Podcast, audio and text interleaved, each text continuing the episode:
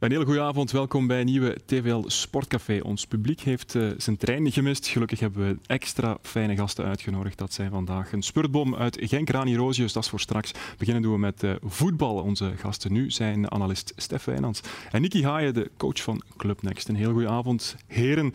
Niki, ik kan bij jou beginnen, want de reguliere competitie zit erop voor jou. Jong Genk en SL6 die spelen nog wel een wedstrijd volgende week, inhaalwedstrijd. Maar voor jullie is het uh, even gedaan. heb je dan tijd om terug naar Limburg te komen? Ja, want je zit hier uit ja, dat klopt. Ehm, ik denk ook volgend weekend hebben we een paar dagen vrijgegeven. Um, omdat er één week of één vrij weekend tussen zit. Maar uh, goed, onze trainingen gaan gewoon door en we bereiden ons voor op het uh, tweede gedeelte van de competitie. Na toch wel een, uh, een heel intense eerste ronde. Ja, wanneer beginnen jullie opnieuw met te trainen?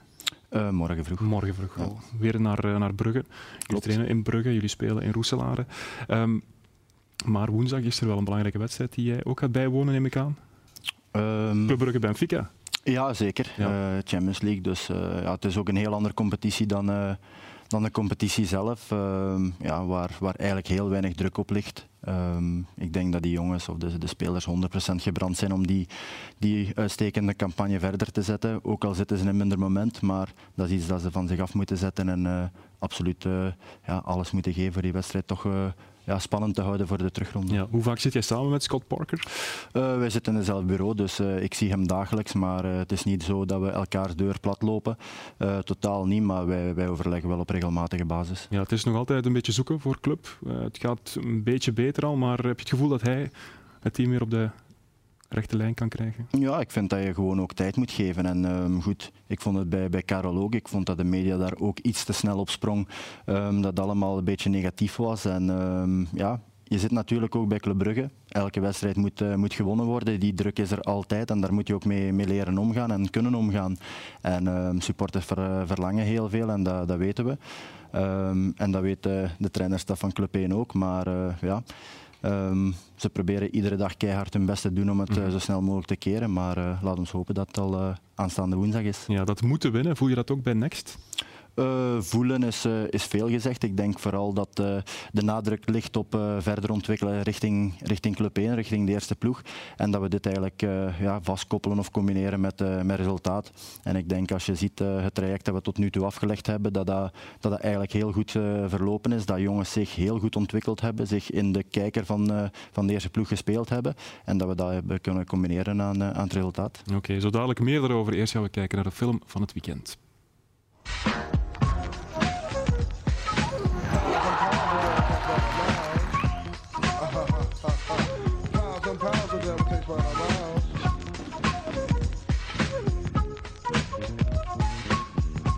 Kan het nog? Zeker. We hebben hier al uh, zottere dingen gedaan.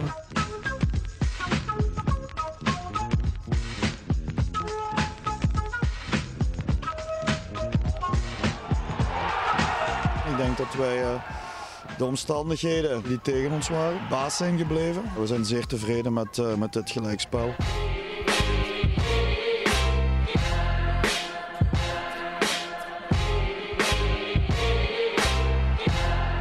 Vandaag dat we bij play-off 1 uh, de missen, maar de laatste twee wedstrijden tegen Dender en uh, Anderlecht.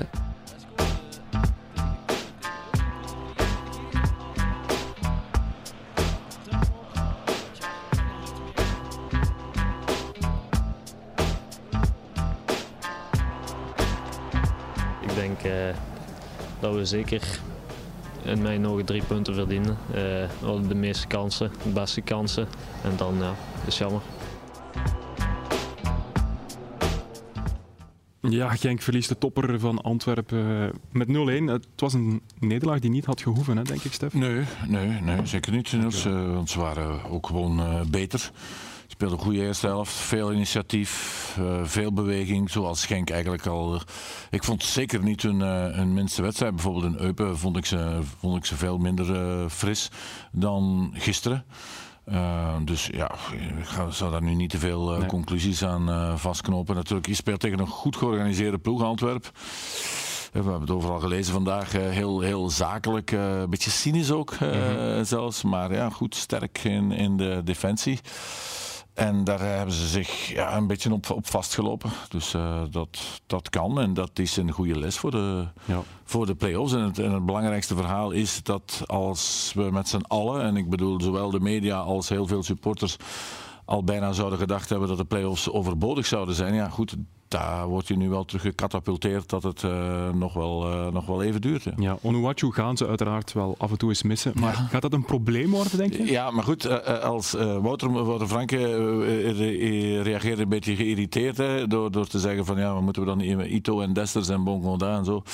Het is natuurlijk een, een, een, speler zoals je er geen andere kan hebben. Ook de, de nieuwe man die uit Frankrijk komt, Arokodari, zal niet kunnen brengen wat Onuachu zal brengen. Maar ja, je moet, toch, je moet toch verder. En je ziet gewoon dat um, Samatta niet meer de Samatta is die hij, eh, die hij was toen ze kampioen uh, speelden. Ja, da, da, dat zullen ze intern ook wel merken. Dus daar gaan ze toch een, een oplossing voor moeten vinden. Maar het heeft natuurlijk ook geen zin om heel de tijd terug te, te verwijzen naar, naar Onuachu. Ik, ik heb het zelf ook aan, aan Franke gevraagd. Nadat ze gewonnen hadden in Gent, mm -hmm. dacht ik van oké, dat thema is nu van de baan. Maar ja, elke match dat ja. niet gaat winnen, als dat gaat uh, terugkomen, dan, dan ga je er natuurlijk wel wat verveeld op reageren reageren. Maar ja, een, een, een, een, een type Onuachu, ja, dat kan je niet zomaar nee. vervangen. Hè. Maar Arukodare komt wel in de buurt, dus hij ja, gaat starten weet ik. nu, denk ja, ik. hè? maar goed, uh, het is ook niet zo dat uh, meteen speelde. Hè. Toen Nee. hij aankwam stond uh, daar een hele goede Samatta.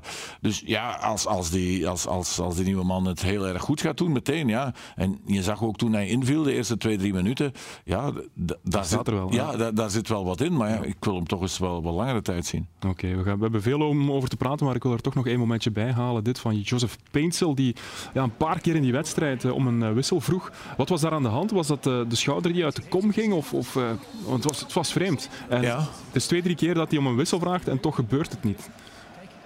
Wel ja, maar de, daar is, de dokter is er toch eh, bij. Hij zal hier eh, gigantische pijn hebben. Maar misschien kan Nicky dat beter inschatten. Hij heeft in elk geval. eh, ik heb daar achteraf heb ik daar eigenlijk weinig nog over vernomen, eh, Niels. Ja, nee, Ehm. want hoe, hoe gaat dat, Nicky? Jij als, als een speler aangeeft, ik wil gewisseld worden, maar eh, ja, de staf neem ik aan beslist dan van, nee, het, het gebeurt niet, je kan wel Ja. verder. Ik denk ook dat in, eh, in combinatie met de speler zelf is. Ik denk dat er heel veel adrenaline nog in de, de speler zelf zit, waardoor ja, soms is wel aangegeven wordt van te wisselen, maar dat dan ook iets erna aangegeven wordt van het lukt wel nog. Ja. Dus eh, ik denk dat hij die wedstrijd ook eh, puur op adrenaline heeft uitgespeeld. Ja, is wel twijfelachtig voor de wedstrijd eh, in Mechelen van komende vrijdagavond. Goed, Nicky, eh, Club Next. Vorige week waren jullie al zeker van die promotie-eindronde. Jullie gaan natuurlijk niet mogen promoveren met Club in, in 1A. Er was wel grote euforie. Hè? Kader is waarom dat, waarom dat zo belangrijk is voor jullie. Ehm, omdat ik denk dat op het begin van het seizoen toch een beetje sceptisch over de belofte ploegen gedaan werd. Of het een meerwaarde ging zijn voor de reeks of niet. En ik denk dat zowel Anderlecht als wij zelf eh, ons bewezen hebben dat wij onze plaats waard zijn. eh, ook in die eh, promotion playoffs. En ehm, ja, dat, we, dat we fris voetbal hebben laten zien bij de, bij de ploegen. En dat er ook wel heel veel jonge talenten rondlopen die die stap eigenlijk naar het ja, hoger niveau, naar het eerste ploegniveau moeten, moeten gaan brengen. En ja, dat, dat kan je niet op een eh, 21-niveau gaan, gaan brengen. En eh, als je dan ziet dat je tegen ploegen RBDM, Beveren, Beerschot, eh, tegen, tegen spelers speelt die ofwel 1A niveau al gehaald hebben, er gespeeld hebben of eh, dichtbij aanleunen. En als je daar resultaat kan neerzetten met, met goed voetbal, ja, dan, dan denk ik wel dat dit absoluut een, een meerwaarde is ook voor het Belgische voetbal. Ja, we gaan de beelden er eens bij halen. Het was een doelpunt van Joel Ordóñez vorige week. hè. Dit weekend speelden jullie gelijk tegen SL Seis. Ehm, we zien zo meteen ook wel de vreugde achteraf. Het was dus echt een beetje op, op wraak, ook een soort van revanchegevoel dat jullie hadden. Nee, absoluut niet. Het was, eh, kijk, eh, we hebben heel het jaar gezegd van, allee, ik, ga, ik ga het eerst kaderen. Dus op het begin van het seizoen hebben we heel veel domme doelpunten weggegeven, Ja. veel te makkelijk weggegeven, speelden we niet matuur genoeg. En door het jaar heen zien we die jongens groeien, zien we die spelers eh, naar een bepaald niveau groeien. En eh, ja, worden we matuur, geven minder doelpunten weg, kunnen we zakelijker spelen. En ehm, ja, dan, dan, dan merk je dat er meer in zit dan, dan de degradatie ontlopen. Want laat ons eerlijk zijn, iedere belofteploeg wou absoluut die degradatie ontlopen om het tweede jaar ook eh, mee te kunnen spelen. Maar eh, ja, dan, dan is dat eigenlijk stilletjes een ambitie binnen de groep geworden, die, die top 6. En eh, we hebben altijd gezegd, het is geen obsessie, maar wel een ambitie. En week na week zijn we daarin beginnen te, te geloven en, en spelen. En ik denk de laatste acht wedstrijden hebben wij zes wedstrijden gewonnen en één keer gelijk gespeeld. Ja, en als je die cijfers kan, kan voorleggen, dan, dan herhaal ik nogmaals, dan ben je wel terecht bij de top 6. Hoeveel spelers van voor... Want jullie speelden natuurlijk vorig jaar wel al mee in uh, 1B als enige ploeg. Twee jaar geleden. Hè, of, of, twee jaar geleden. Ja. Zijn daar nog spelers van uh, bij of zijn dat allemaal nieuwe jongens? Daar zijn een enkele, enkele ja. spelers bij, maar die waren toen 16 op dat moment. Hè, net 16 geworden. Maar goed, ik wil maar aangeven, die hebben dan wel al de ervaring van tegen RWDM of, of Beerschot of Lierse, dat soort kaliber te, te, te spelen. Dus durf je dan zeggen dat Club Brugge een klein beetje voorsprong heeft ten opzichte van de anderen? Ik denk dat... Goh, ik zou het zo niet durven zeggen, want twee jaar geleden zijn ze eigenlijk één dag of twee dagen voor de competitie erin gesmeten ja. geweest en konden ze zich niet voorbereiden. Het grote verschil is dat je nu wel voorbereid aan die competitie kon starten. Um, die jongens waren 16, die hebben nu die zijn nu net 18 geworden, zijn iets matuurder geworden. Maar gewoon om een voorbeeld te geven, we hebben een speler van 18 die op 4, 5 maanden tijd 4 kilo aan spiermassa is bijgekomen. Dus als je dan zegt van matuur worden, het is iemand die die op begin van het seizoen duels verloor, die, die nu ja, die heel goed zijn mannetje staat en, en waardoor heel veel progressie gemaakt wordt. En door daar dag, dagelijks mee bezig te zijn, zie je natuurlijk het verschil. Om wie gaat het? Uh, Joaquin Seys. Oké, okay. want je hebt ook wel wat spelers verloren. Hè? Um, met Arne Engels, die naar Augsburg is vertrokken. Ja. Houtekiet is nu naar Standaard gegaan. Um, wil dat ook wel zeggen dat die jongens vinden dat die doorstroming naar de A-ploeg te moeilijk is? Um, ik denk dat er een paar factoren zijn. Hè. Ik denk dat een van de redenen misschien is dat spelers ongeduldiger worden, dat ze sneller die stap naar de A-kern willen, willen maken. Um, anderzijds zit je ook niet met de eerste, de beste club, zit je op Champions League niveau. Um, komt het opnieuw op geduld. Ja. Je, je zit uh, met een kern van 4, 5, 26 toppers, um, waardoor het net iets moeilijker misschien is om daar, daarbij te geraken. Maar ja, het is daarom ook dat wij absoluut kwaliteit wilden brengen in 1B. En dat ze daar dag, dagelijks of wekelijks uh, tot de beter of tot de beste kunnen behoren om zo die stap naar uh, kleiner te maken ja. tot, uh, tot club 1. En dan is het voor iedere speler zelf om, om te kijken hoeveel geduld je hebt om, om af te wachten tot club 1 of die stap te zetten naar, naar Bijna onmogelijk Niels. In een, in een selectie, die Club Brugge, die, mm -hmm. die trekken Jaremchuk aan voor 16 miljoen ja. euro. Als je daar als jongeling moet tegen concurreren, dat, dat, ik denk dat ze goed moeten opleiden. En als er af en toe eens eentje doorgeraakt en die misschien via een andere weg, zoals de Kuiper, oké, okay, die is verkocht nu denk ik of is die nog van Club Brugge? Is nog van Club Brugge. Ja, kijk, bedoel, misschien dat hij op een bepaald moment wel weer terugkomt of die wordt uh, verkocht. Kan niet dat hij er daar uh, vier of vijf gaat, gaat uithalen. Dat, dan, dat zou wel heel straf zijn. Ja, want Sam Fransen zei hier vorige week van, van Racing Genk uiteraard. Um, wij willen of wij streven naar 50% van onze, van onze basiself. Dat moeten jongens van uit onze opleiding zijn. Is dat iets waar jullie ook op mikken of zeg je van dat is te onrealistisch? Goh, dat is een utopie, denk ik, eerlijk gezegd. Uh, het, is, het is een heel mooi streefbeeld en ik ben daar zelf ook voorstander van, maar het is heel moeilijk om te realiseren, 50 procent. Uh, je ziet het zelf bij ons. Uh, ja, dit zijn ook een van de of betere spelers bij, bij ons die wij moeten laten gaan. Langs de andere kant vind ik wel dat als ploegen, zoals Augsburg, Standaard, die jongens komen, komen halen, dan wordt er echt wel goed gewerkt in de jeugd en in de, in de opleiding. En uh, dat mag je ook niet vergeten. Maar het is, zoals Stef zegt, het is wel heel moeilijk om soms door te breken. En dan moet je soms keuzes maken. Had jij die proberen te overtuigen om te blijven, Engels? Uh, wij hebben beide spelers uh, ja. overtuigd, dus er is een project voorgesteld geweest. En, um, goed, en dan is het aan de speler en de entourage om te kijken of ze, daar, uh, of ze zich daarin kunnen vinden of niet. En het is net zoals je zegt, als je zoveel spelers in de, de kern hebt, dan, dan is het soms misschien moeilijk om, ja, om overtuigd te worden. Maar, maar soms denk ik van uh, misschien een jaartje langer te blijven zitten mm -hmm. en te wachten op die kans en keihard je best blijven doen. Maar uh, ja. Ja, um, Club is erbij, Club Next is erbij in die, eerste, in die top 6. Ook Anderlecht, RCA Futures. Standaard en Jong Genk moeten nog strijden om het behoud. Pierre Locht zegt 7 miljoen euro kost het ons, investering. Ik heb toevallig iemand van uh, Lierse gezien vandaag, die hun budget is 1,2 miljoen. Ja. Bedoel, Wat zegt dat dan over die verhouding? Daar schrik ik wel van dat dat ja. uh, voor standaard de jeugd uh, 7 miljoen, 7 miljoen is. Ja. Uh, ja, uh, Niels, dat, dat, dat, dat, ik, ik kan me niet voorstellen, daar, daar loopt het geld nu toch ook niet van de muur. Hè? Dat daar, uh, zit daar gigantisch veel talent. Okay, zij zijn er nu nog niet bij. Ik kan het wel begrijpen dat dat in het eerste jaar misschien niet meteen lukt. Maar ja, wat is dat dan in Club Brugge? Is dat dan 10 miljoen bij de jeugd? Of, ik heb daar totaal geen Club idee Brugge is toch een beetje rijker dan, dan, dan Standaard, zou ik zeggen. Maar... Mm ja, uh, zijn er daar zoveel jongens die grote contracten hebben? Dat moet, dat moet haast, hè? Want met hoeveel zijn jullie? Met 20? 18? Rond de 20, ja. Rond de 20. Als je dat snel uittelt, Niels, hoeveel dan uh, hebben die, uh, hoeveel gemiddeld? 350. Ja, ik bedoel... Oké, goed. Uh, Lommel ja, zit natuurlijk ook in die reeks, maar is er niet bij in die promotieplayoffs.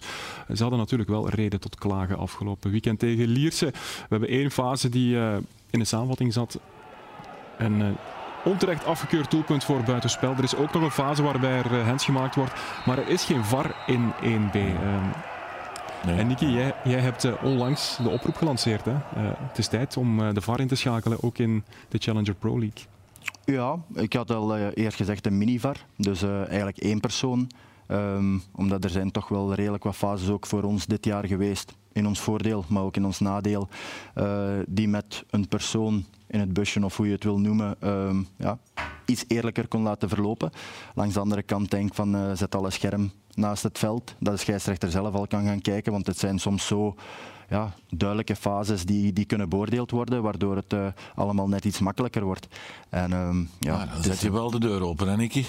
dan zet je wel de deur open, hè, want ja. dan is 10 centimeter, hè, ja. ja. is het, uh, dan moet het meters zijn. Mm -hmm. Ik bedoel, dan moet het, dan moet het zo duidelijk zijn uh, zoals deze. Is, maar... Het gaat nu, ja. bij ons ging het over, over strafschopfases. Uh, we krijgen strafschopfase tegen. We krijgen eentje dat totaal geen is, waar zuiver de bal geraakt wordt, uh, waardoor we die wedstrijd verliezen. We krijgen een rode kaart die, uh, die heel, heel licht is. Um, ja, het, het, laat ons zeggen, als al alle duidelijke dingen eruit kunnen gehaald worden, dan sta je al een stap verder. Ja. Maar net zoals ik zei, als je een minivar kan, waar één persoon, maar ja, dan nog kan je de lijn trekken, kan je de lijn niet trekken. Maar die, ga, die, ga, die, ga, die kunnen ze nu al niet altijd goed trekken. Nee. Het duurt soms maar wat jij ook zei, ja, het gaat om profvoetbal, de belangen zijn mm -hmm. toch groot. Ja, ja. ja. Niels, uh, wat, wat, denk je dat de clubs dat ook nog zelf gaan uh, ja. betalen? Club Brugge misschien wel, maar uh, ga, ga niet uh, De City Voetbalgroep zit in Lommel, hè, dus die hebben ook geld genoeg. Ja, maar die halen niet eens de, nee. de promotion. Uh, nee, maar en die vinden net, dat niet eens erg. net, want net ik, heb de trainer horen misschien. ik heb de trainer horen zeggen: oh, zo slecht is het seizoen niet geweest. Dan denk ik, als nee. je zo'n budget hebt van uh, Lommel en je kan niet bij de beste zes geraken in de tweede klasse. Ja, dan mag je toch zeer streng zijn, mag ik hopen. En dan mag het niet op die ene fase ja, ja, uiteraard niet. Oké. Goed, wie er straks misschien bij komt in 1B is Club Luik. Uh, zij speelde 1-1 gelijk tegen Patro, maar het ging eigenlijk achteraf niet om die 1-1. Wel om dit moment. Yassin Giroui, die uh, hard wordt aangepakt door Lambeau van Club Luik. En we gaan meteen zien in de herhaling wat er precies gebeurt. Kijk, een uh, elleboogstoot. We gaan het nog eens vertragen om het beter te zien. In het cirkeltje, kijk eens. En dit is het resultaat. Yassin Giroui. Een driedubbele of een drievoudige oogkasbreuk. Stef, wat... Ik was daar. Ja. Ik ben naar de wedstrijd gaan kijken. Had je het in de gaten tijdens de wedstrijd? Nee, maar ik zag wel uh, meteen daarna dat hij, dat hij zo'n oog had. Dat is niet van ergens uh, tegen een schouder aan te lopen. Hè. Ik vond dat hij nog heel rustig bleef. En natuurlijk toen op de, op, op, op de bank, ik heb de dokters gezien, de kines gezien. Ja, daar was natuurlijk meteen uh, paniek. Want moet je weten dat in de heenwedstrijd hij eenzelfde soort elleboog heeft gekregen in de eerste minuut. Toen heeft hij ook een oogkasbrug aan de andere kant blijkbaar mm -hmm. uh, gehad. Ja, dan begrijp ik wel de, de, de commotie die er, die er ontstond. Ik vond het ook een, trouwens een hele slechte scheidsrechter aan twee kanten.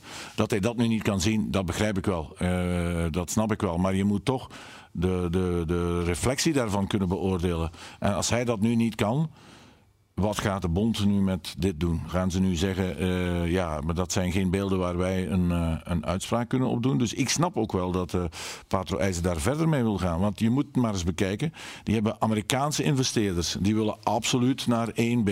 Die staan 1-0 voor. Hun middenvelder die alles wegkuist, die alles, mm -hmm. alles wegkoopt in een match waar alleen maar lange ballen worden gespeeld. Die wordt eruit geklopt, zoals duidelijk is. Ja. Daarna wordt het, wordt het wel 1-1. Als het straks nu daarop aankomt ja, ja, niemand gaat jammer. En dan kan je zeggen, er zijn voetbalfeiten, maar dit is geen voetbalfeit meer. Hè? Dit, is geen, dit is geen duel waarin je iemand... Uh, dit is een aanslag. Dit is, dit is, dit is toch moedwillig. Ja. Dus dan moet je toch als voetbalbond als je dat beeld hebt, moet je daar toch tegen optreden. Ja, Denk ik dan maar. Maar ik, heb je er al iets van gehoord? Ik heb er nog nee, niks van gehoord. Nee, nee. De club gaat wel ook naar de rechtbank, niet enkel Ja, maar goed, ja. dat is dan, dat is dan dat het vervolg. Om, om, Sportieve gevolgen, ja. ja, dat maar dat, je kan toch niet elke maandag komen uitleggen bij het referee department waarom een, een VAR-situatie goed of slecht beoordeeld is, als je, als je hier niks mee gaat, uh, gaat doen. Want dit is toch... Allee, Nicky. Dit jij, jij bent een stoere ja. verdediger geweest, maar dit, dit heb jij toch... Dit, nee. dit, hoort, dit hoort niet ja. thuis. En ik ga niet spreken in, in functie van die speler, maar het lijkt gewoon bewust. Hij wacht gewoon, ja. ziet hem afkomen en hij plant gewoon zijn elleboog. Dus, uh, maar hij heeft daarna heeft hij nog een tackle gedaan die eh, bijna zo erg was als deze slag. En die speler sprong gelukkig omhoog, waar hij ook meteen rood had voor eh, kunnen eh, krijgen. Dat had de scheidsrechter wel gezien, maar hij raakte dan de speler eh, niet. Maar ja. Allee, als je dat ziet, Niels, dan heb je toch schrik om je kinderen nog te gaan laten voetballen. Ja. Hey, Gelukkig zien we dit als, niet da- als je vaak, daarmee, als je iemand die dat moedwillig doet, daarmee laat wegkomen. Ja, dan, dan gaan we volgende week in het provinciale. Dan doen we toch net hetzelfde. Want daar staat geen enkele camera. En dan moet je maar hopen dat de scheidsrechter het niet gezien heeft. Maar ja, goed. We wensen hem eh, in ieder geval veel Ja. beterschap, eh, Yassin Giroui. Zeker omdat het eh, niet de eerste keer is. Laten we het even over STVV hebben. Ehm, jouw ex-club uiteraard ook. Hè. Ehm, hoe kijk je naar, naar de Canaries op dit moment? Ze, ze hebben nu die misschien reality check gehad op Anderlecht gisteren. Goh, wat niet wegneemt, dat ze nog altijd een goed seizoen draaien. Dus ik denk eh, dat Hollerbach een heel goed heel werk levert daar. Ehm, ik vind het persoonlijk jammer dat hij vertrekt. Heeft toch iets opgebouwd waarop op verder kan, eh, kan gebouwd worden. En je ziet dat hij de spelers volledig mee heeft in het verhaal. En eh, dat is heel mooi om, om te zien. Ja. Gaan ze nog meedoen voor de top 8? Nee, ik denk dat niet. Ik denk niet dat ze dat negen matchen nog kunnen, kunnen volhouden. Je hebt natuurlijk een tijdje geteerd op, op die organisatie. Ondertussen is ook Leisner weggevallen. Heel erg belangrijk. Want daarmee speelden ze een stukje hoger, waardoor ze het speelveld klein hielden. Nu bij Texera, die zakt wat eh, terug. En je, je, je, zag in de tweede helft, hoe meer druk er kwam, hoe meer hij terugzakte. Ja. En dan kwam er, eh, kwam er ruimte. Dus nee, ik... Dat zou, Niels, het zou een mirakel zijn. Het zou echt een mirakel zijn als die straks de top Ja. 8 zouden, zouden eh, halen. Dat, Ja. dat, dat denk ik. Hoe kijk je naar Reitz en Hara die er zijn bijgekomen? Ja, maar het middenveld van eh Sint-Truiden, dat bestaat uit Reitz, die was vorig jaar niet voldoende. Hè, die, die speelde niet zoveel. Okazaki is eigenlijk een spits en die loopt zich te pletter. En Boya, ja, met alle respect, dat is geen goede voetballer aan de bal. Ja, zo kan, je nooit, zo kan je toch nooit vooruit spelen. Dus ik begrijp ook wel dat eh, eh, tegenstanders gefrustreerd zijn om tegen Sint-Truiden te spelen, want die willen niet voetballen. En voor een neutrale kijker is dat niet zo, niet zo, niet zo lekker. Maar wat, wat kan je doen met, met, eh, met deze ploeg? Hara denk ik wel. Dat is, die heeft het vorig jaar wel bewezen. En goed dat je kan wat meer lange ballen spelen. Maar dat hij dan Bruno ernaast zet, is natuurlijk wel Ja. heel raar. ja. Hij zegt ook altijd die 40 punten. Dat is een- het eerste Ja, maar die moet je na doel. gisteren moet je die niet meer halen. Nee. Want de laatste drie moeten nu van die, na, eh, van die laatste negen wedstrijden die er nog zijn, moeten die er vijf meer winnen dan Sint-Truiden. Ja, je ziet, dat zie je toch niet gebeuren. Nee. Allee, alles kan, maar dat lijkt me nu toch. eh, Ze spelen ook nog tegen elkaar. Dus je, je gaat geen 40 punten eh, nodig hebben om je te redden. Oké. En Niki, ze zoeken een eh, coach, want hij is weg na dit seizoen bij Hollerbach. Heb je al een telefoontje gekregen? Nee, ik heb geen telefoontje gekregen. Nee. Is dat iets waar je... Maar hij heeft al met de? Japanners gewerkt. hè? Ja? ja. Hij weet dat al, hè? Ja. Ik heb er al mee gewerkt, ja. Nee, ik voel me heel goed in, eh in Club Brugge op dit moment. Ik voel heel veel vertrouwen daar. En kan ook in eh, de best mogelijke omstandigheden werken. Dus ehm, Dus nee.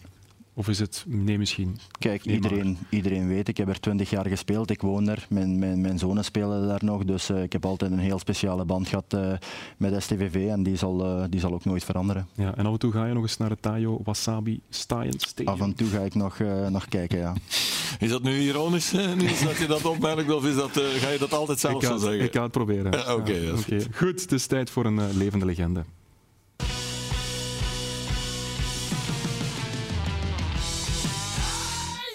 Goud op de Olympische Spelen, dan zit je in een select clubje. En dat geldt ook voor onze volgende atleten. Een plekje aan onze Wall of Fame, dat is dan ja, een zekerheid.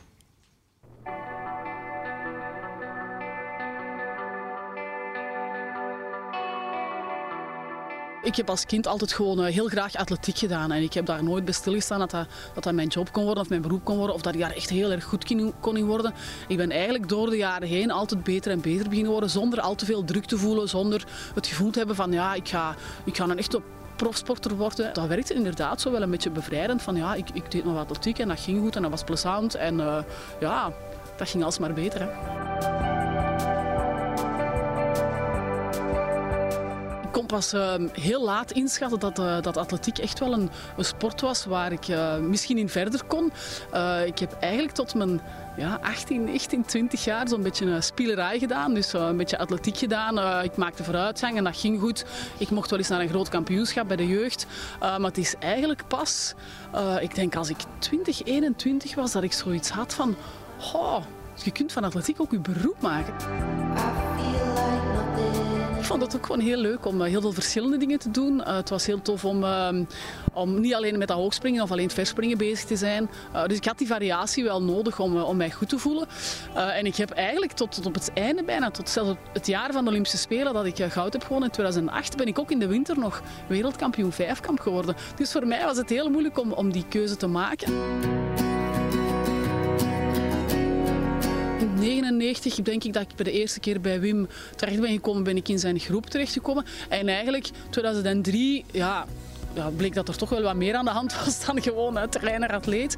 En dan hebben we toch die sprong uh, gewaagd om, uh, om daar iets van te maken. Want dat is natuurlijk ook wel een beetje gevaarlijk, uiteraard. Je beseft ook als het ergens misloopt, dat je misschien ook wel, dat ook wel een gevaar is. Omdat je dan... Allez, ik vermoed niet, niet dat ik nog bij Wim zou kunnen getraind hebben, moesten we, moesten we dan uiteen gegaan zijn.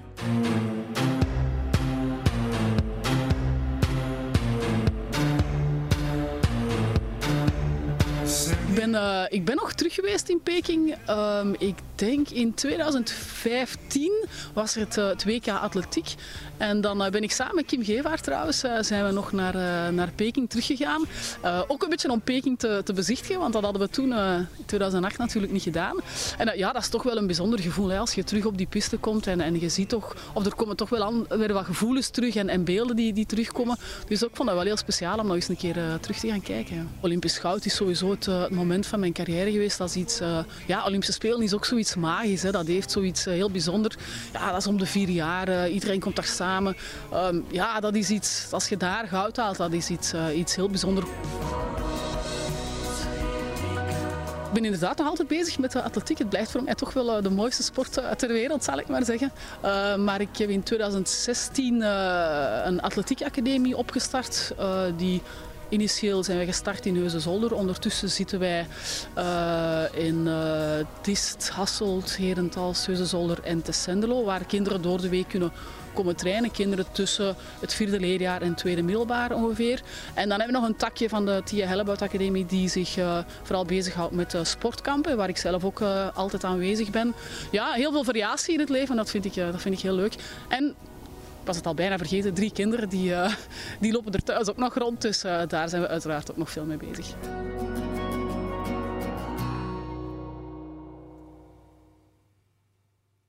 Gouden Tia. Een uh, plekje aan onze Wall of Fame heeft ze zeker verdiend. Alsjeblieft, Evelien, je mag ze daar mooi in het midden zetten naast Lij Kleisters. En we hebben intussen een nieuwe gast aan onze tafel. Welkom, Rani Rozius. Hallo, hallo. Rani, wanneer ben jij begonnen met atletiek? Want um, dat was vrij laat. 2014, dus toen ik 14 was. Ja, en dus... dat was ook alle disciplines doorlopen? Nee, nee, eigenlijk totaal niet. Ik, heb, uh, ja, ik ben gewoon begonnen met lopen en ik ben ook weer weggegaan.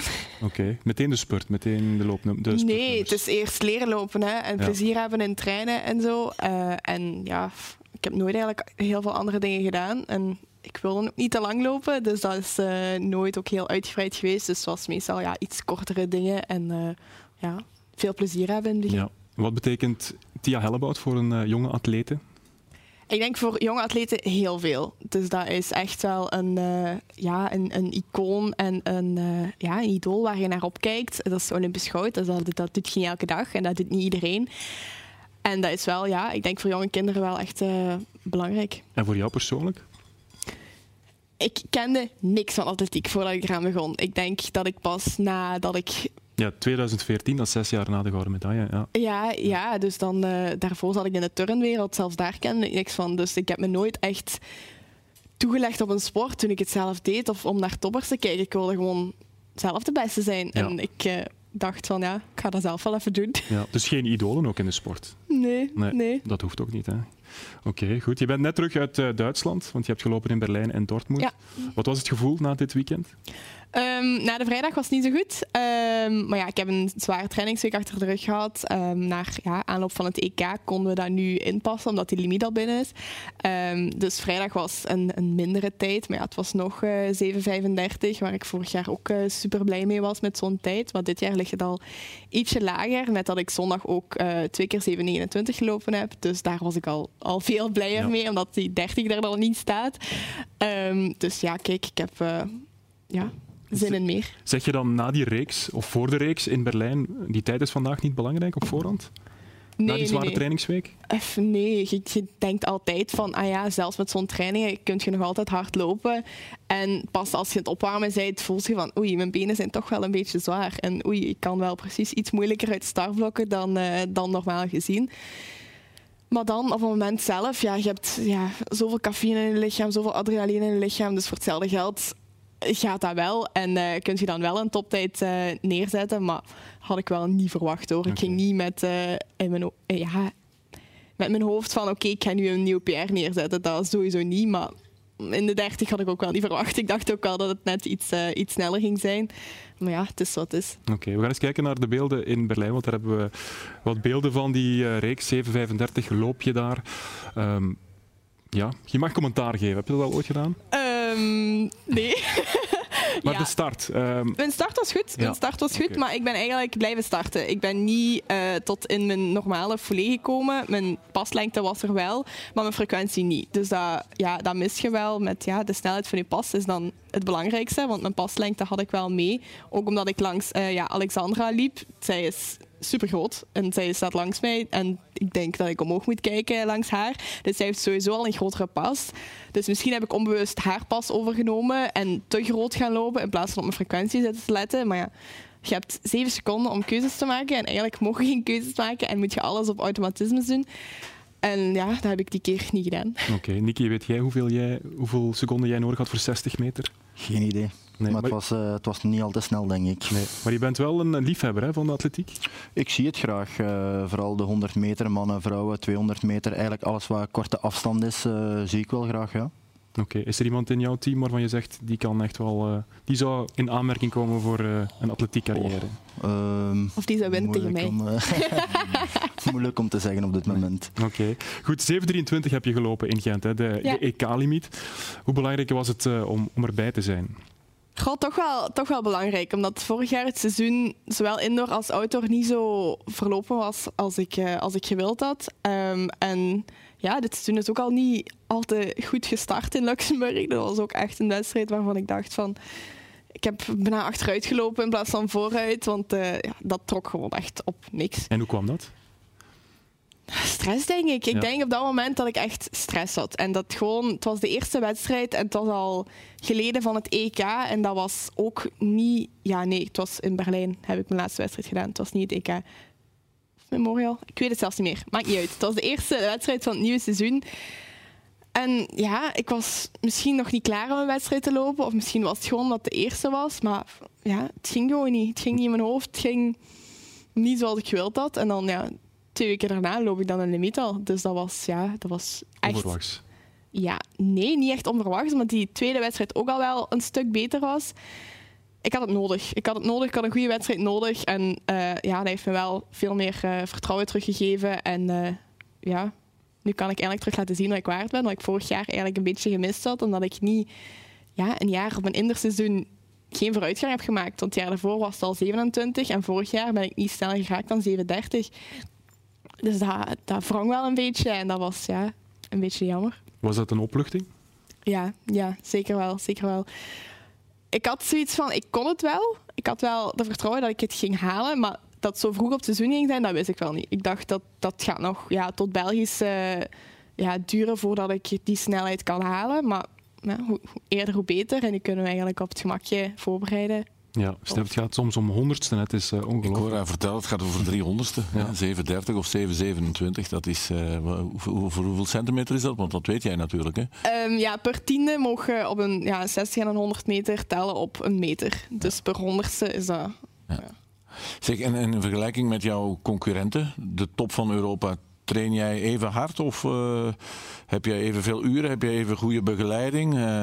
heb je, spreek je erover met je concurrenten? Goh, ja, de grote concurrenten die ziet je op een wedstrijd voor 10 minuten in de oproepkamer. Je loopt daar okay. tegen, je zegt proficiat en ze zijn weer weg. En het is concentreren op de volgende. Dus je bent niet echt heel veel bezig met, uh, met ja, grote concurrenten, met, met de meisjes van hetzelfde niveau als ik nu heb. Daar babbel ik wel natuurlijk mee. En die ja, ken ik ondertussen ook al heel goed, omdat ik die vaker tegenkom. Mm -hmm. Maar zo echte toppers, ja, dat is proficiat zeggen voor de, voor de voorbije wedstrijden. Maar echt over trainingen of over uren, over manier van werken, dat is, daar wordt eigenlijk niet over, over gesproken. Ja, want jij bent, jij bent nog student. Jij studeert Ja. nog uh, Ja. lerarenopleiding Inderdaad. chemie, LO. Fantastische Ja. combinatie. Ehm, maar hoeveel tijd gaat er? Gaat er genoeg tijd naar, naar, naar de sport? Meer, de vraag is eigenlijk, ja, moet er niet meer in, ge- in gestoken worden? Goh ja, sommige mensen vinden van wel, andere mensen vinden dat studie ook heel belangrijk is. Ik vind dat ze allebei belangrijk Ja. zijn en ik wil ook echt heel graag mijn diploma halen en ook liefst zo snel mogelijk, want ja, het is ook wel nog altijd gemakkelijker om je volledig op je sport te focussen. Maar met een sport als atletiek moet je een backup hebben, want je kunt niet leven van de sport, Ja. wat nog altijd jammer is. En misschien ook voor het mentale aspect dat je... Olympisch kampioen hebben we net gezien. Hè? Ja, die heeft allerlei ja. academies, eh, Ja. Niels. Die, is, eh, die moet hard werken hoor, denk ik. Dus, Ja, zeker. Maar het kan misschien ook wel een, een uitlaatklep of een soort van afleiding zijn, die studie. Dat niet alle druk op die sport terechtkomt. Ja, ja, ja, jawel. Dat is wel. Ik zou niet, niet kunnen studeren en de hele dag thuis zitten en andere dingen doen. Ik denk niet dat ik, dat ik daarvoor gemaakt ben. Dus na mijn studie, ik weet niet welke bezigheid ik ga eh, opnemen, maar ik ga niet de hele dagen thuis zitten en wachten tot de training, eh, tot de training is en dat ik eh, effectief het bewegen ben. Daar gaan zoveel kleinere dingetjes zijn die ik ga doen, maar echt alleen met de sport bezig zijn, dat gaat mij niet lukken, denk ik. Nee, we zijn nu over de 60 meter bezig, maar er is natuurlijk ook het outdoor eh, seizoen. Daar heb je ook stappen gezet, 1128. Ja, ja, dus daar heb ik wel vorig jaar eh, een stap gezet, maar nog niet wat ik wilde. Dus het was nog niet... Ja, ik heb dan één piek gehad en dat was op Belgisch kampioenschap. Daar heb ik ook eh Delphine verslagen toen. Ehm, maar dan het EK wilden we een tweede piek en die is er gewoon niet uitgekomen. En dat was, ja, dat was echt gewoon heel jammer, omdat dat, je wilt op een Europees kampioenschap op je best zijn en daar een nieuw persoonlijk record neerzetten. En dat is mij niet gelukt. En dat was echt zo van, ja, dat was zo'n beetje ja, jammer. Maar dit jaar gaan we dat anders opbouwen en hopelijk op een andere manier. En Ja. wel, ja. De naam is gevallen, Delphine en Kansa. Hè, dat is jouw concurrent, maar je ziet het misschien meer als een collega. Zij is ook heel snel, ehm, heeft op dit moment een snellere tijd. Wat Mhm. doet dat met, met jou? Want je was op, dit, op een bepaald moment ook de leading lady in België op vlak van sprinten. Hè? Ja, ja, maar ik vind het echt gewoon geweldig dat ze erbij is nu. Ze is echt al een vriendin geworden van mij. En nu waren we ook al direct na de wedstrijd, toen ik, we, eh, toen ook de limiet had, zij was ook daar op de IFAM, direct geknuffeld. En ik dacht van, oh ja, we gaan samen op de kamer op, op het EK en zo. En het is echt, ja... Ja, ze heeft een paar schroeven los en ze- we- zo zijn we allemaal in, in het team eigenlijk. Dus we passen eigenlijk echt super goed Ja. bij elkaar.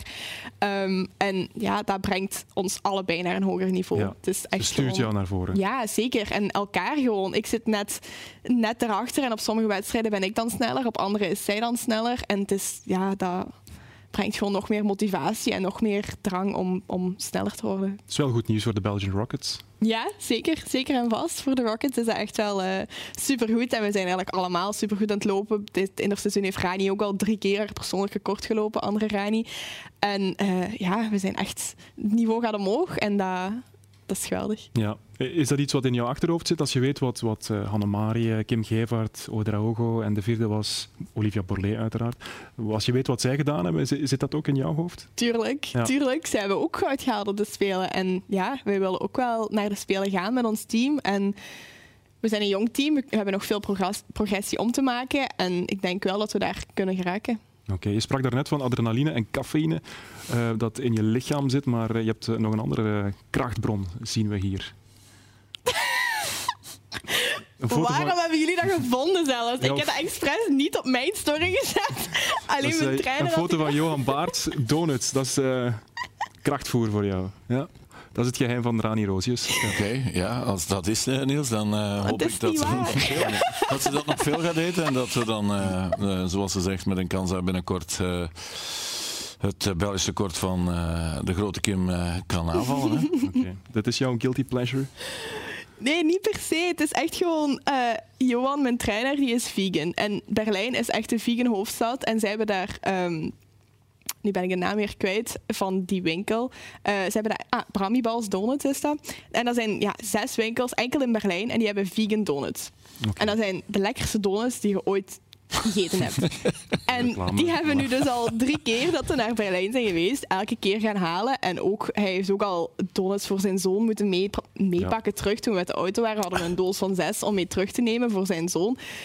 Dus dat is, het ligt niet aan mij, het ligt aan Johan. Johan ging naar de dood. Heel de koffer vol om eh, naar huis te komen. Ja. dit jaar ging het niet, want we waren met het vliegtuig. Dus Ah, dat was wel... eh, Goed, zo dadelijk praten we verder. Het is tijd voor, ons, eh, voor de toekomst van ons Limburgs voetbal.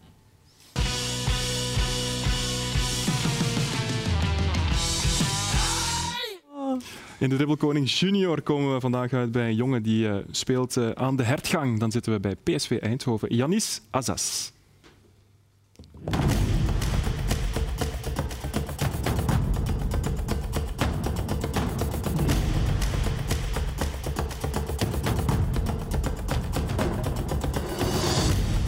Ik heet Janis Azaz. Ik speel bij PSV aanvaller. Ik ben 10 jaar oud. Mijn favoriete speler is Ronaldo. Daar gaat Janis. De ladder, daar beginnen we mee. Gevolgd door de volley. Maar geen punten. We zijn bij de kegels. Eentje omver, min 2 seconden. De regenton. Maar hier verliest Janis tijd. Binnen en nu verder. De slalom gaat goed. Naar de darts.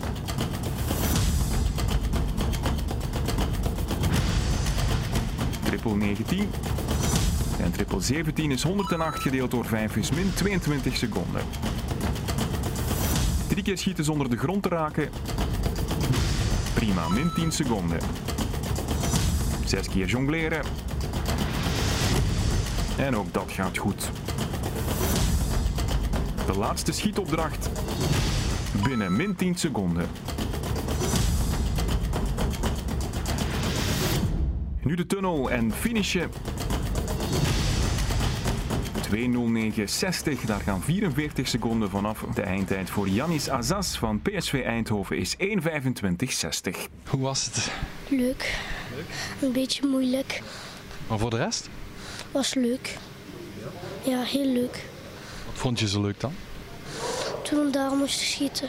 Ik had een 7 en een 17. Zelfs twee trippels, hè? Dus volgens mij, ik denk triple 19 en triple 17. Dus, eh, Ja, zou je dit nog eens willen doen? ja. Dat zal jammer genoeg niet mogen, maar hij heeft het toch goed gedaan. 1,25,60 Janis Azaz. 1, 2, 3, 4, 5, 6. Ja, top 10 denk ik, hè, net, als ik goed kan tellen. Ja, dus eh, goed gedaan, Janis Azaz. En we gaan eens kijken wie het eh, volgende week wordt in de Dribbelkoning Junior. Evelien, jij mag de beker eh, aan Rani geven. En Rani mag een naam trekken en die meteen luid op voorlezen.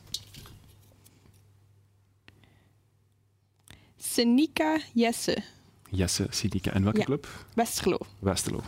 Weer een, eh, een topclub of een profclub, zo moet ik het zeggen. Rani, ehm, volgende week een belangrijke afspraak. Ja, Het BK. ja, Belgisch kampioenschap. Ja. Wat verwacht je ervan? Oh ja, geen idee. Ik weet ook eigenlijk niet wat er eh, deze week op programma staat nog. Of het zware trainingen gaan zijn, of dat het eh, ja, omzetten is en werken naar dat EK. Ik zou het niet weten. Het is wel allemaal een functie van het EK. zeg. Ja, ja, ja, het is sowieso een functie van het EK. Maar ja, kijk, voor de ranking is het ook super belangrijk om, om Belgisch kampioenschap in de finale eigenlijk goed te lopen. Omdat er dan heel veel punten te verdienen zijn. En ja, iedereen wil winnen. Hè. Ja. Ik wil ook winnen. Ja. Dus Ben je ontgoocheld als je straks tweede bent, achter in Kansa? als het met een goede tijd is, niet. Als het met een slechte tijd is, wel. Oké. Dus het is echt wel de tijd die, eh, die het telt. En wanneer ben je tevreden na het EK? Geen Ook idee. de tijd? Ja, ik denk ook wel eerder de tijd. Want ik weet ook niet of iedereen reeks moet lopen. Of dat er ook al mensen rechtstreeks de halve finale mogen lopen. Dus daar, daar weet ik eigenlijk nog niks van. Dus dan, ik hoop wel op een halve finale. Dus dat ik wel twee keer kan, eh, kan lopen en twee kansen heb om ja, te stralen.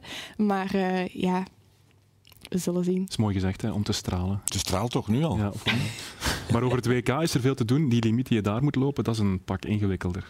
Ja, voor het WK is het wel echt... Ja, ja het, is, het is moeilijk en het is vervelend. En het is, ja, De limiet van België is strenger dan die van het EK, eh, van het WK van het WK. zelf. Ja, ja, ja. Stef, Dus Leg dat eens uit, ik, hoe kan ja, dat? Ik ben niet zo vertrouwd in de atletiek, wel in het zwemmen. En daar hoor ik al twintig jaar de zwemmers daar eh, gigantisch over klagen. Ik heb er net met Rani ook over gehad, dus daar is het, het eh, hetzelfde. Dat de internationale standaard is, eh, ligt niet zo hoog al- als de Belgische standaard. En je, je werkt toch naar een groot kampioenschap toe. En als die atleten de kans krijgen om naar een groot kampioenschap te gaan, omdat de allergrootste bond daar de standaard legt, dan ja, dan zit dat constant in een soort van schisma. Hè. Dat is constant een, een, een miserie wat je die atleten eigenlijk eh, oplegt. Die zich alles, maar dan ook alles eh, laten liggen om daar te geraken. En eh, ja, dat is, in het zwemmen is dat zeer frustrerend. En ik heb begrepen dat dat in de atletiek dus blijkbaar Ja. niet anders is. Inderdaad, dat is eigenlijk ja, echt identiek hetzelfde. Het is zo gemaakt eigenlijk dat maar een handvol mensen de limiet loopt en dan al de rest wordt opgewist via de ranking. En de ranking werkt, werkt met punten, met dan het gemiddelde van, van vijf wedstrijden en vijf scores. En dan is de top zoveel die gaan, punt. Dat zijn 40 mensen die mogen meegaan, maar dat dus weet je dan 40 eh, een week op voorhand. Dat is meestal twee weken op voorhand. Ja, dus ja, twee weken op voorhand is dan eigenlijk gesloten, de ranking. Maar dan zegt België nog van, ah ja, nee, ranking is niet goed genoeg voor ons. Wij willen top zoveel. Als je daar niet tussen staat, je krijgt wel een uitnodiging van World Athletics dan. Ah ja, je mocht meegaan. België zegt, nee, Nee, je mocht nog niet. want er waren de vorige keer te veel, Toeristen. zo noemen ze Ja, toeristen. die in de halve finale staan. Ja, dat is eh, pijnlijk. Goed. Ja, ik vind het ook ja, Ja. pijnlijk, maar ja, kijk. Oké. Terwijl dat toch gewoon ervaring is ook voor een atleet om erbij te zijn. Zeker, en het is ervaring opdoen en daaruit leert je. En ja, dat heb je nodig om er op een kampioenschap ook effectief te staan en om te winnen. Je zou ook nog een criterium kunnen inbouwen tot op een bepaalde leeftijd. Je- zou kunnen zeggen, je moet 6, 27 zijn. Als je daaronder bent, dan zit er nog progressiemarge in. Ik zou eh, aannemen dat die van de Atletiekbond dat toch zouden moeten weten. Of er bij haar nog eh progressiemarge eh, hebt. En, en dan kan je toch Ja. wel een beetje beter delibereren. Als je nu 32 bent, enfin, 32 zo oud zijn ze meestal niet. Maar je snapt wat ik wil Ja. zeggen. Als je geen progressiemarge meer hebt, dan, dan, dan, dan zou je dat kunnen uitleggen. Maar ja, als jij nu met de Rockets grote successen wil behalen, of een, of een succes wil behalen, Dan moet je dit laten dan laten. moet je toch in. Hè, ik zie nu al de hele tijd een foto daar, eh, daar hangen. Ja, Rani moet toch leren om voor zo'n publiek te lopen. Je moet toch voelen wat er is, is in een stadion. Mhm. En als je de kans niet krijgt, ja, dan, dan, dan, ga, dan, dan is dat moeilijk. Dan moet je een superatleet zijn. Inderdaad. Een superatleet en iemand die negen Belgische records in één weekend verbreekt. Heb je dat al ooit, ooit gehoord, Niki? Nee. Nee, straf hè? Roos van Otterdijk. Stef, hoe moeten we dat inschatten? Onze zwemster van 18 Ehm, nog maar. Ja, ja, ja. Eh, ze heeft eh, een klein beetje. Ze, ze was al een jaar of vier eh, natuurlijk heel erg goed. Ze heeft dan door corona en rugblessure heeft ze wel wat achterstand eh, gehad. En ehm, ze mag nu op vier afstanden ook op het, naar het WK gaan. En het, en het, beste, het beste nummer is de 100 meter vlinderslag. Daar was ze snel al top. Daar heeft ze nu haar Belgisch record ook wat verbeterd. Andere Belgische records moet ik zeggen, Niels, er staan, zijn sommige records die al echt heel lang en heel laag zijn. Sorry. Als je eh, een goede zwemster bent, eh, zoals zij is, dan kan je die records verbeteren. Het gaat erom dat ze die 100 meter eh, vlinderslag, dat ze dat verbeterd heeft. En, en die wedstrijd was pas laat op dit weekend. Dus dat betekent dat ze al heel veel gezwommen had en toch dat Belgisch record nog verbeterd heeft. Dus ja, ehm, ik hoor dan dat eh, mijn eh, collega eh, Sid Appelboom spreekt over een mogelijke Olympische finale. Dat zal niet voor, eh, voor meteen zijn. En daar zal ze nog eh, fel voor moeten groeien. Maar het is in elk geval eh, straf dat ze dit nu eh, in, in zoveel fout heeft kunnen doen. Ja. Oké, goed. Onze tijd zit er al even op. Ik kan jullie alle drie bedanken en succes wensen. Komend weekend in Gent op het Ja. BK en in Istanbul op het EK. Eh, dankjewel Niki Haaien. Dankjewel Rani Roosjes en Stef Vijans om erbij te zijn. Eindigen doen we ook met Roos van Otterdijk, want was echt wel straf wat ze deed. Sporter van het weekend. Negen records in één weekend. Het zijn er maar weinigen gegeven. Bedankt voor het kijken. Tot volgende week. Ik had vooral veel zin in het weekend. Ik was er echt, was echt wel klaar voor. Echt benieuwd ook wat, wat daar kon gebeuren. En ja, het heeft wel mijn verwachtingen overtroffen. Het is wel echt goed gegaan. Dus ik ben wel echt zeer tevreden.